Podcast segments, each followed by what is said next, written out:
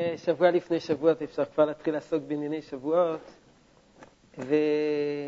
ונעסוק אה, בקריאת מגילת רות בשבועות.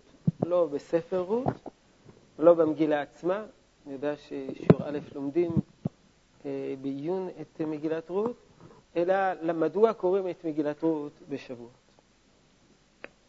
אז זה מנהג קדמון. לקרוא מגילת רות בשבועות, כשם שקוראים שיר השירים בפסח, מגילת רות בשבועות וקהלת בחג הסוכות.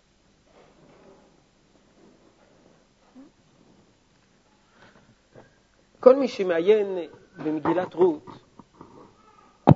לא, לא לעומק, אלא באופן אפילו שטחי, אה, עולה, עולה, עולים לפניו, עולות לפניו שתי תמונות. תמונה אחת זו תמונה של אה, מצוקה גדולה. כל המגילה הזאת מתארת מצוקות, מצוקות אנושיות קשות. מותם של מחלון וכיליון, אולי לפני כן הירידה מן הארץ של, אה, של כל המשפחה, כל משפחה של אלימלך שצריכה לרדת מן הארץ בגלל המצב הקשה בארץ. אז זה מתחיל מן המצב הקשה בארץ, ממשיך בירידה מן הארץ, אחר כך מותם של מחלון וכיליון. אחר מכן המצוקה של, של נעמי ורות בשובם לארץ ישראל, וגם כששבים לארץ זה לא מצב פשוט, מצב של עוני, עד כדי כך שרות נאלצת ללקט שעורים. בקיצר, מצב אה, בכלל לא פשוט, של מצוקה. וכל מי שקורא את המגילה, יש לו תחושה של אה, מתמלא רחמים על כל הדמויות שמוזכרות בתוך המגילה. עד כדי כך שאפילו במגילה עצמה, אה, נעמי אומרת שהקדוש ברוך הוא המר לה, מר לה, אל תקראו לי נעמי. המציאות היא מציאות של מרירות, היא מציאות של, של קושי. זו תמונה אחת שעולה מתוך קריאת המגילה. המצוקה, המרירות, הקושי, הסבל האנושי. זו תמונה אחת. הגמרא המסרת בבא בתרא שואלת אה, בסידור התנ"ך, למה מגילת רות קודמת למגילת, לספר איוב? אומרת הגמרא פשוט, מכיוון ש... לא רצו להקדים פורענותא. ספר איוב זה פורענותא. לא רצו להקדים את ספר איוב שהוא פורענותא. שואלת הגמרא, גם מגילת רות זה פורענותא. גם מגילת רות היא פורענותא, כך אומרת הגמרא. אומרת הגמרא, מגילת רות זה פורענות שיש לה אחרית. לא נבין, גם ספר איוב זה, זה פורענות שיש לה אחרית. סוף, סוף ספר איוב משתקם איוב. אבל מגילת רות זה מגילה שיש לה אחרית, מכיוון שמכל הסיפור הזה מופיע דוד. אבל חז"ל, כשמתארים ומגדירים את מגילת רות, הם אומרים שזאת מגילה של פורענות. יש בה פורענות. עניינה של מגילת רות זה פורענות. אנשים מתים, אנשים סובלים, אנשים סובלים חרפת רעב, אנשים צריכים להתנהג כקבצנים. זה פורענות. אז זו התמונה הראשונה של מגילת רות. התמונה השנייה של מגילת רות, שכולם מכירים אותה, ואין בכך שום, אה, שום, אה, אה, שום חידוש, שמגילת רות, התמונה השנייה שעולה ממנה, זה החסד. כל מגילת רות זה חסד. זה חסד של רות כלפי נעמי, זה חסד של בועז כלפי רות ונעמי. וכפי שכתוב מפורש במגילה, שנעמי אומרת להם, כמו שעשיתם חסד עמדי ועם המתים, חסד אל המתים, שזה החסד הכי גדול, כפי שחז"ל אומרים, חסד של אמת. יש פה בכל המגילה הזאת חסד על גבלי חסד, וכפי שאומר המדרש, מדרש רות רבה, אמר רבי זעירה, מגילה זו אין בה לא טומאה ולא טהרה, ולא איסור ולא היתר. ולמה נכתבה? ללמדך כמה שכר טוב לגומלי חסדים. זאת אומרת, כל המגילה הזאת, אומר המדרש, ברות רבה, במדרש רבה, כל ענייני החסד. למד כמה שכר טוב לגומלי חסדים. בסופו של דבר, הקדוש ברוך הוא גמר לחסד לרות, אשר גם לחסד, ולבועז שגם החסד, שני גומלי חסדים, ומהם צמח דוד מלך יצחק. אפשר להוסיף. המגילה הזאת זה לא רק שכר טוב לגומלי חסדים, אלא זה גם עונש למתאכזרים. כפי שחז"ל אומרים, שאלימלך נענש בכל העונשים האלו, מפני שערב בארץ וישיר ולא רצה לחלק את ממונו. אז לא רק שזה לגמול שכר טוב לגומלי חסדים, אלא גם כדי להעניש את אלה שאינם גומלי חסדים. אז כך שעניינה העיקרית של מגילת רות זה חטא. אם אנחנו מסכמים, במגילה הזאת יש שני צדדים. צד אחד, תחושת המצוקה, הכאבי, הכאב הגדול שיש במגילת רות, שכל מי שקורא את המגילה הוא בעצמו מרגיש ומזדהה עם הדמויות שמוזכרות בה ומופיעות בה. והדבר השני זה חסד. ולמה קוראים את המגילה, מגילת רות, בשבועות? שתי תשובות בכלל. תשובה אחת במדרש, לקח טוב. למה קוראים מגילה זו בחג השבועות? שמגילה זו כולה חסד, והתורה כולה חסד, שנאמר תורת חסד דלשונה. וניתנה בחג השבועות. זו תשובה ראשונה. תשובה שנייה, שמופיעה בילקוט, ומה עניין רות אצל עצרת, שנקראת את בעצרת בזמן מתן תורה, ללמדך שלא ניתנה תורה אלא על ידי ייסורים ועוד. כל אחד מן המדרש לקח פן אחר מן הפנים הבולטים של מגילת רות. הפן האחד זה ייסורים והעוני, הפן השני זה החסד, וכל אחד אומר, זו הסיבה שקוראים מגילת רות בחג השבועות, מכיוון שתורה כולה חסד, כנגד הפן של החסד, או שהתורה ניתנה על ידי ייסורים ועוני, וכל עניינה של המגילה הזאת זה ייסורים ועוני. לכאורה זה צדדים שנראים קצת סותרים. אז מה זה התורה הזאת? התורה היא חסד או שהתורה היא ייסורים ועוני? מה, מה, מה, מה פירוש הדבר? שהתורה היא ניתנה על ידי ייסורים ועוני, או התורה היא חסד? חסד נראה דבר טוב, נראה דבר יפה, נראה דבר נאה, ייסורים ועוני, כאבים, סבל. זה נרצה לברר, כאשר לא ענייננו מגילת רות, אלא ענייננו להבין מה זה תורה. כי קריאת מגילת רות בחג השבועות בא לבטא איזה משהו בתורה, מהי התורה בעינינו, כיצד אנחנו רואים את התורה, מה עניינה העיקרי של תורה. אדם שיוצא מחג השבועות צריך לצאת, או, oh, ניתנה תורה בחג השבועות, מפני שהתורה כולה חסד, הוא צריך לצאת מחג השבועות עם אמירה, או, oh, ניתנה תורה בחג השבועות, מכיוון שהתורה היא כולה ייסורים ועוני. וזה מה שאני צריך ללמוד מחג השבועות. נברר דבר דבר, ומתוך הבירורים אה, גם התחברו, אחר כך נראה צד שלישי, שלא מופיע מבדרש, שמאיר על עוד פן אחד בתורה וקשור לקריאת מגילת רות בחג השבועות. מה פירוש הדבר שהתורה היא חסד? מה פירוש הדבר שהתורה היא חסד? דבר ראשון הוא שהתורה מחנכת לחסד. התורה כולה חסד. התורה מחנכת לחסד. כפי שהגמרא אומרת במסכת סוטה, בדף י"ד, דרש רבי סמלאי, תורה תחילתה גמילות חסדים וסופה גמילות חסדים. תחילתה גמילות חסדים, דכתיב, יעש, ויעש השם אלוקים לאדם ולאשתו כותנות אור. וילבשן.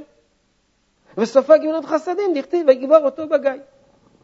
תחילתה של תורה בחסד שהקדוש ברוך הוא עושה עם אדם הראשון, וסופה של תורה בחסד שהקדוש ברוך הוא עושה עם משה רבינו. אומר המהר"ל, חז"ל רוצים לומר בזה, שהתורה כולה חסד. תחילתה חסד, סופה חסד, פירושו של דבר כולה חסד. מה פירוש הדבר שתורה כולה חסד? שהתורה באה לחנך את האדם לעשות חסד. ועיקר עניינה של התורה ללמד את האדם לעשות חסד. וכיוון שאנחנו הולכים בדרכו של הקדוש ברוך הוא, דבקים במידותיו, אז המידה הראשונה של תורה זה חסד, וזה הקדוש ברוך הוא מתגלה בתחילת הבריאה בחסד, והתורה מתגלה בסוף התורה בחסד, במעשים של חסד, כדי שנלך במידותיו של הקדוש ברוך הוא ונעשה חסד. ועיקר עניינה של תורה למד אותנו לעשות חסד. ובלשון אחרת, להרבות טוב בעולם. זה הרי לשונו של הרב קוק, פעמים רבות, שעיקר עניינו של עם ישראל, להרבות טוב בעולם, ללא, לא, מבלי להבדיל בכמות הטוב ובכמות הניטבים. זאת אומרת, איזה מין חסד אינסופי, וזה עניינה של התורה, למד אותנו לעשות חסד. למד אותנו, לחנך אותנו, להכווין אותנו לעשות חסד, להרבות חסד. חלק גדול ממצוות התורה הם חסד. וחסד, מה שמאפיין את חסד, את החסד, שזהו משהו מעשי. כבר עמדו דודי ישראל, שאם שיר השירים זה בבחינת אהבה, מגילת רות זה בבחינת חסד. אהבה זה כזה משהו, כזה משהו מרחף. משהו ברגש, משהו בחוויה, משהו ארטילאי. חסד זה משהו מעשי. פסח זה אהבה. מושכני אחריך נרוצה. וראתה שפחה על הים מה שלא ראה יחזקאל בן בוזי. אה, הכל אהבה, רודפים אחרי הקדוש ברוך הוא, נמשכים אחרי הקדוש ברוך הוא, הקדוש ברוך הוא מאיר לנו פנים. שבועות זה תורה, זה חסד. לוקחים את האהבה הזאת ומתרגמים אותה לעניינים מעשיים. תורה, ביטויים מעשיים. וכמו שאומר השפת אמת, ביחס בקשר בין פסח לשבועות, אומר, לא המדרש עיקר אלא מעשה. פסח זה מדרש. זה, זה אהבת השם. תורה, שבועות, זה מעשה. לא המדרש עיקר אלא מעשה. אז אם פסח זה בחינת שיר השירים, אהבה גדולה, רות זה החסד, הביטויים המעשיים, כמו שיש במגילה. לא אהבה ארטילאית, זה גמילות חסד ממשית. לתת מזון, ללוות, לבנות בית, להקים בית בישראל. משהו מעשי ולא משהו ארטילאי. יותר מזה, אמרו גדולי ישראל יותר, שאם תורה זה בלשון נקבה, רות, שזה אותיות תור, זה תור שלא בלשון נקבה. ואמרו שרות זה מבחינת תורה שבעל פה. אם תורה זה מבחינת תורה שבכתב, שזה עדיין משהו כללי, רות זה כבר ירידה ל- לרמת המעשה מבחינת תור, תורה שבעל פה, שהיא בלשון זכר. כך אמרו בעלי הרמזים. לכן, עניינה של תורה זה לחנך לחסד. לכן, דבר מופלא. כל מי שיקרא באיזשהו ספר שמתאר דמותם של גדולי ישראל, בדרך כלל מי זה גדולי ישראל? גאונים בתורה, תלמידי חכמים, ענקיים, רבי קבי איגר, נודע ויהודה, בדור בדורות האחרונים, רב משה פיינשטיין, ורב שלמה זלמן אוירבר, והרב זצ"ל. כל מי שקורא ספרים עליהם, אז הוא מצפה שמה הוא ימצא בספרים, ש... בספרים האלה? על גאונותם בתורה, אנשים ידעו את כל התורה מתחילה ועד הסוף, הפוך וישר ובכל הכיוונים, מכל הצדדים, והם ידעו את כל התורה בשיטת הסיכה, אפשר לשים סיכה והם יודעים 700 דפים למטה מזה, איזה מילה נמצאת. רוב הספרים מדברים על החסד שלו. תקרא ספר על איש מדע, מה יספרו לך על איש המדע? איך שהוא המציא את ההמצאה הזאת, ואיך שבגאונותו הוא, הוא, הוא עשה את הדבר הזה, ואיך שבגאונותו הוא חשף את זה וגילה את זה, וכל ההמצאות שלו. כשאתה שומע על גדולי ישראל מספרים סיפורים, מה שהם מספרים עליהם זה על מעשה החסד שלו. הוא מפורסם בשם אופן מבריס, שאמר, עיקר תפקידו של רב יש הרבה תפקידים לרב. לפסוק בהלכה, לחדש חידושים, להקים ישיבה במקום שהוא נמצא. מסופר בשם רב חמי בריס, אמר, עיקר תפקידו של רב זה להרבות בחסד. רב חמי בריס, עיקר תפקידו, עיקר תפקידו של רב זה לעשות חסד. אומרים, עיקר תפקידו של רב, של רב בריסקאי, זה לעשות חילוקים בריסקאיים. לא. עיקר תפקידו של רב זה לעשות חסד. כי זה עיקר עניינה של תורה, להרבות חסד בעולם. ולכן, אומרים חז"ל, למה ניתנה תורה בחג השבועות? מכיוון שהמגילה הזאת היא חסד, והתורה מחנכת אותנו לחסד. אבל אולי יש הסבר אחר. מה פירוש הדבר שהתורה היא כולה חסד? לא התורה היא כולה חסד בזה שמלמדת אותנו לעשות חסד, אלא שהתורה היא כולה חסד כי התורה עושה איתנו חסד. הקדוש ברוך הוא עשה איתנו חסד. והחסד הזה שהקדוש ברוך הוא עשה איתנו, זה בזה שהוא גאל אותנו מ... מהשקפת עולם ומאורח חיים ש... ש... שבו היינו, החיים שלנו היו מתבזבזים. כסיל בחושך יעלו. לא רק כשהוא עושה את זה, הוא מזיק לעצמו, הוא, הוא, הוא מבזבז את כל החיים שלו. הוא מבזבז את כל החיים שלו. החיים שלו לא מנוצלים, החיים שלו בתוהו, החיים שלו הם, הם חיים ש, שאין בהם משמעות, חיים מדורדרים, חיים שפלים. וכשהקדוש ברוך הוא נתן לנו את התורה, הוא גאל אותנו, גאל אותנו מאורח חיים חומרני, בהמי, כמו שכותב, כמו שמופיע בחז"ל, הרב יוסף, שאומר שהשמח בחג השבועות, הוא אומר, אלמלא היום הדקגרים, כמה יוסף היכה בשוקה. אלמלא ניתנה תורה ועסקתי בתורה ולמדתי בתורה, אז מה? הרבה אנשים קוראים להם יוסף. רק בזכות התורה הפכתי להיות יוסף מסוג אחר. אלמלא יום הדקאיה, היום הדקגרים, כמה יוסף היכה בשוקה? יש הרבה אנשים. העולם מלא אנשים. כמה מיליונים יש פה, וכמה מיליונים יש שם, וכמה סינים יש. ובזכות התורה, אנחנו, הקדוש ברוך הוא גאל אותנו מאיזה חיים רדודים, חיים חסרי משמעות, חסרי תוכן, והקדוש ברוך הוא גילה לנו את האמת. זה חסד. לכן לא רק שהתורה מלמדת אותנו לעשות חסד עם הבריות, עצם נתינת התורה לנו היא חסד אלוקי. הרמב"ם כותב במורה נבוכים שכל ה... כל הסכסוכים שיש באנושות, וכל המלחמות שיש באנושות, וכל הנזקים שאנשים מזיקים אחד את השני, אומר הרמב"ם, זה מפני שלא יודעים את האמת. אז זה, כמו, אומר הרמב"ם, זה כמו אנשים עיוורים, שאחד מתנגש בתוך השני. ברגע שתתגלה האמת, אז יימנעו. אנשים יראו את האמת הגדולה, אז יימנעו כל הנזקים ההדדיים. כך כותב הרמב"ם מורה נבוכים. אז אנחנו, זה חסד. לגלות לזולת את האמת זה חסד.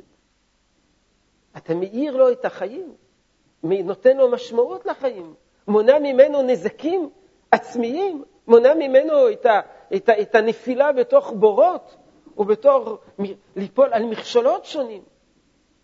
אז זו הבחינה השנייה של חסד. ו... אבל שאלו גדולי ישראל, אה, איך אפשר לומר שהתורה, תחילתה גמילות חסדים וסופה גמילות חסדים, שכל עניינה של תורה זה חסד, וכל מהותה של תורה זה חסד, ושמתחילתה ועד סופה התורה היא חסד. ואנחנו יודעים שיש בתורה גם אה, ארבע מיתות בית דין. אין בתורה רק חסד, יש גם בתורה דברים קשים. את השאלה הזאת שאל המערב.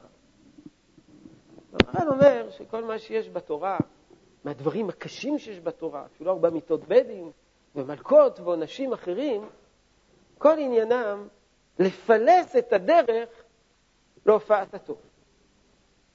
אלמלא המלחמה ברע שבעולם, למרות שלבאר את הרע שבעולם למראית העין זה לא נראה חסד, אבל ביאור הרע מן העולם הוא זה שמפלס את הדרך ומכשיר את הדרך להופעת הטוב בעולם. כי אלמלא זה לא יהיה טוב. אדם אחד יכול להרוס את כל העולם כולו. קבוצת אנשים יכולים לשבש ולמנוע את תופעת הטוב בעולם. ולכן כאשר התורה מזהירה וקובעת עונשים כל כך חמורים, אפילו ארבע מיטות בית דין, זה גם כן במסגרת החסד. כך כותב המהר"ל בנתיבות עולם, נתיב גמילות חסדים. הכל כדי שיהיה סוף טוב. כאשר הרע מסולק מן העולם על ידי מיתות בית דין ושאר עונשים, ותכליתם להעלות אל עולם הטוב ולהסיר הרע, ויהיה חוזר הכל אל הטוב. אותו דבר כותב המהר"ל גם כן בפירושו לפרקי אבות, דרך חיים, על המשנה, ובטוב העולם נידון.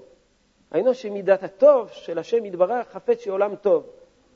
ולכך מביא פורענויות לעולם, לשלם לעושי רעה, ואז מסולק הרע מן העולם ונשאר הטוב. ולכן אומר המהר"ל שכפשוטו, כל מגמת התורה לחנך אותנו לטוב, וכל העיירה האלוקית בעולם, כולל הדברים שנשמעים ונראים למראית העין כקשים, כמידת הדין, המטרה בסופו של דבר לפלס את הטוב ולהכשיר את העולם להופעת הטוב האלוקי. אם כן, ביארנו דבר אחד. דבר אחד שביארנו, מה פירוש התורה, מה פירוש הדבר שהתורה היא חסד, ומשום כך ניתנה בחג השבועות, ולכן, ולכן משום כך אנחנו קוראים מגילת רות בחג השבועות שעניינה חסד. מה פירוש הדבר שהתורה שאנחנו קוראים ממגילת רות בחג השבועות, מכיוון שמגילת רות ייסורים ועוני, ללמדך שלא ניתנה תורה על ידי ייסורים ועוני. מה זה ייסורים ועוני? ראית גמרא במסרת ברכות. הגמרא אומרת, שלוש מתנות טובות נתן הקדוש ברוך הוא, ושלושתם לא ניתנו על ידי ייסורים. מה הם שלושת המתנות הטובות? תורה, ארץ ישראל ועולם הבא. ושואלים, שלוש מתנות טובות נתן הקדוש ברוך הוא לישראל, ושלושתם לא ניתנו אלא ייסורים. תורה, ארץ ישראל ועולם הבא. ושואלים כל המפרשים, אם זה מתנות טובות, אז מה זה ייסורים? מתנה טובה זה מתנה, מתנה טובה. אחד מקבל חפיסת שוקולד, מתנה טובה, זה נעים, זה, זה מתוק. מה זה נקרא שלוש מתנות טובות נתן הקדוש ברוך הוא לישראל, ושלושתם על ידי ייסורים. אז מסביר המהר"ל שבאמת שלושתם מתנות טובות. רק בשביל לזכות בהם צריכים להתאמץ. זה אומנם מתנות טובות ומתנות מופלאות, אבל בשביל לזכות בהם צריכים להתאמץ, וזה ייסורים ועוני. לא ייסורים ועוני, כמו שאדם אה, מקבל, אה, מקבל אה, איזו מתנה, מתנה מכאיבה. לא מתנה מכאיבה, אלא על מנת לזכות במתנות האלה, אדם זקוק למאמץ. זה ייסורים ועוני. מרן מסביר שמכיוון שאלו מתנות שהן למעלה מן האדם. יש מתנות פשוטות, כמו חפיסת שוקולדה. זה מתנה שבגובה של האדם. ויש מתנות שבגלל הצד הרוחני שבהן, הן למעלה מן האדם. ואדם צריך להתרומם אליהם, ובשביל להתרומם אליהם אדם צריך לעשות מאמץ והשתדלות. זה הייסורים והעוני.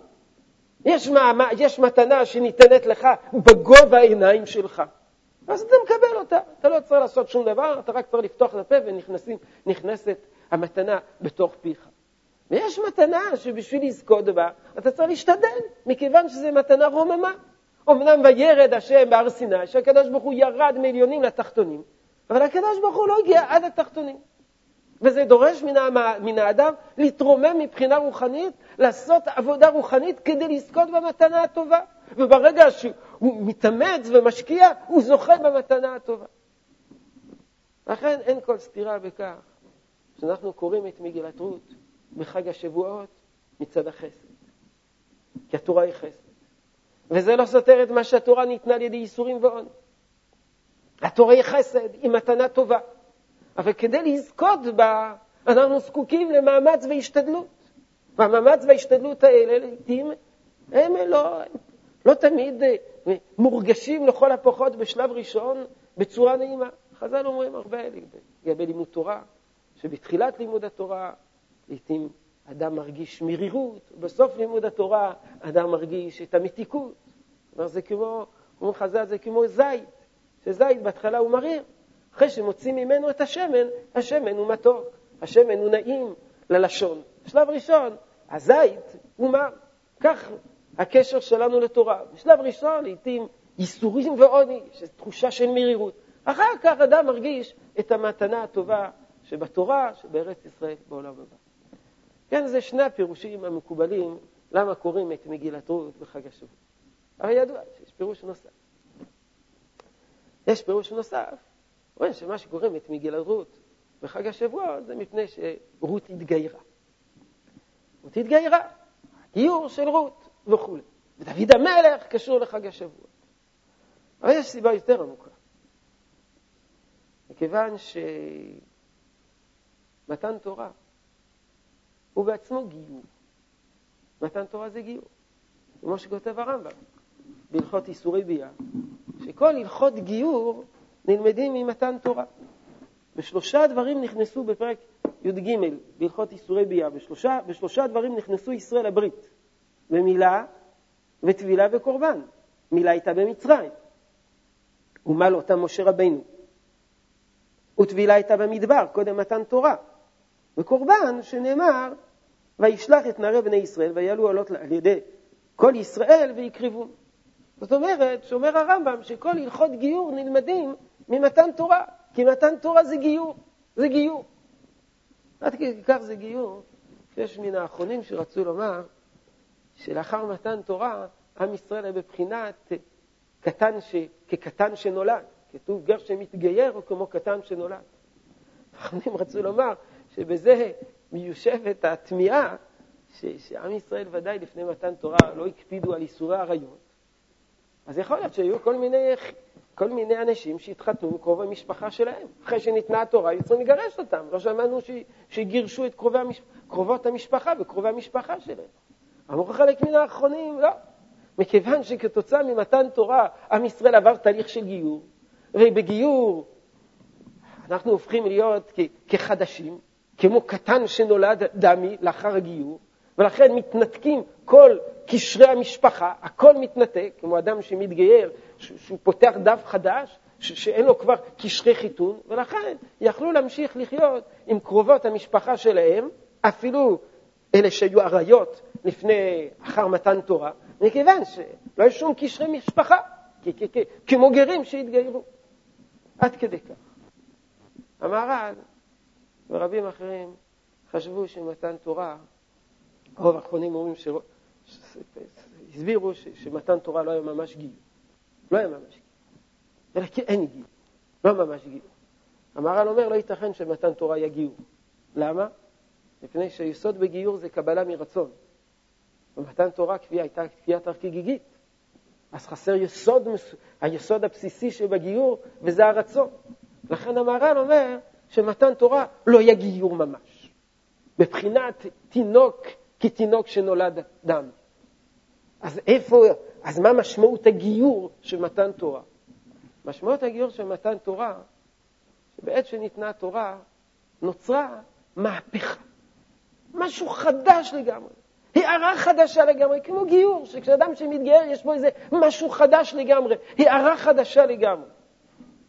וכך כאשר ניתנה התורה, ניתנה הערה חדשה לגמרי לעם ישראל. יש דיון, דיונים ובירורים.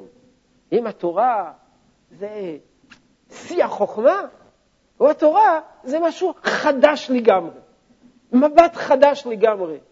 הערה חדשה לגמרי על החיים, על המציאות, על המוסר.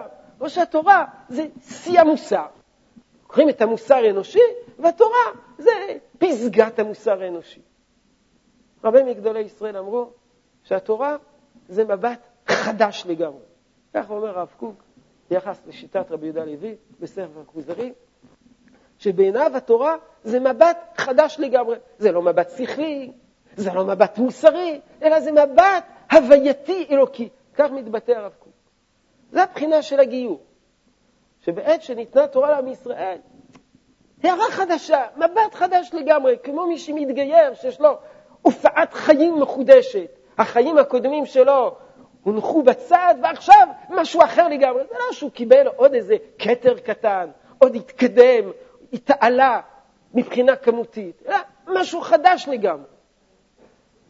זה אם אנחנו מסכמים את מה שראינו, שלושה נימוקים לקריאת מגילת רות בחג השבועות. נימוק ראשון, בגלל שהמגילה הזו היא חסד והתורה היא חסד. זה המדרש. נימוק שני, מכיוון שהמגילה הזאת היא ייסורים ועוני, והתורה ניתנה על ידי ייסורים ועוני. והסבר שלישי, מכיוון שמתן תורה זה גיור, חג השבועות, מגילת רות מדברת על, על גיור, והתורה היא גיור. וזה בעצם שלושת הצדדים שמאפיינים בעינינו את התורה. הדבר הראשון, שהתורה היא חסד. מהותה חסד. היא באה לחנך אותנו למידת החסד. ועצם נתינת התורה היא חסד לעם ישראל, הערה לעם ישראל, הופעה, אה, מבט שגאל אותנו מן החומריות ומן השפלות. וזה חסד אלוקי שעשה איתנו, להאיר לנו את אור האמת. וכל מי שמאיר את אור האמת עושה חסד. אבל, כפי שראינו, התורה גם מחנכת אותנו לחסד, חסד מעשי. לא רק אהבה ארטילאית, אלא חסד מעשי. וזה עיקר עניינה של תורה. תחילתה גמילות חסדים, וסופה גמילות חסדים. ואדם נבחן במידת החסד שיש בו. הדבר השני, התורה ניתנה על ידי איסורים ועוני.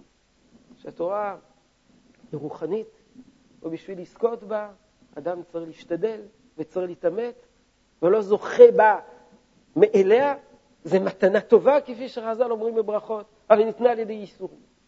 שזה המאמץ וההשתדלות, עד שאדם מרגיש בסופו של תהליך את המתנה הטובה. הדבר השלישי, שהתורה היא מבחינת, מתן תורה היא מבחינת גיור, כמו רות הגיורת, מכיוון שהתורה יצרה מהפכה יצרה משהו חדש לגמרי, לא לקחה את מה שהיה לפני כן והוסיפה עוד קצת, אלא איזה משהו חדש, אולי אפילו גיור ממש, כפי שסוברים חלק מן האחרונים, לפי רובם. לא ממש גיור, אבל הערה חדשה, גילוי חדש, ב- ב- ב- שלא היה כדוגמתו עד אז, כפי שחז"ל אומרים, יום השישי, שכל העולם כולו חיכה עד שניתנה התורה, ממש, אומרים גדולי ישראל, זה המשך של בריאת העולם, יש מאין. יום השישי, שכל העולם כולו עמד עד שניתנה התורה, זה המשך של הבריאה. כשם שהבריאה הייתה יש מאין, כך מתן תורה זה סוג של יש מאין, איזה אור חדש שהופיע לעולם. לכן יש כאן אה, כאין בחינה של גיור של כלל ישראל שמקבל פנים חדשות לגמרי. כן, חסד, ייסורים ועוני של השתדלות וגיור, זה שלושת הנימוקים שמופיעים בחז"ל לקריאת המגילה ברות, קריאת מגילת רות בשבועות, וזה שני צדדים, צדדים מהותיים בהבנת התורה ובהכרת התורה.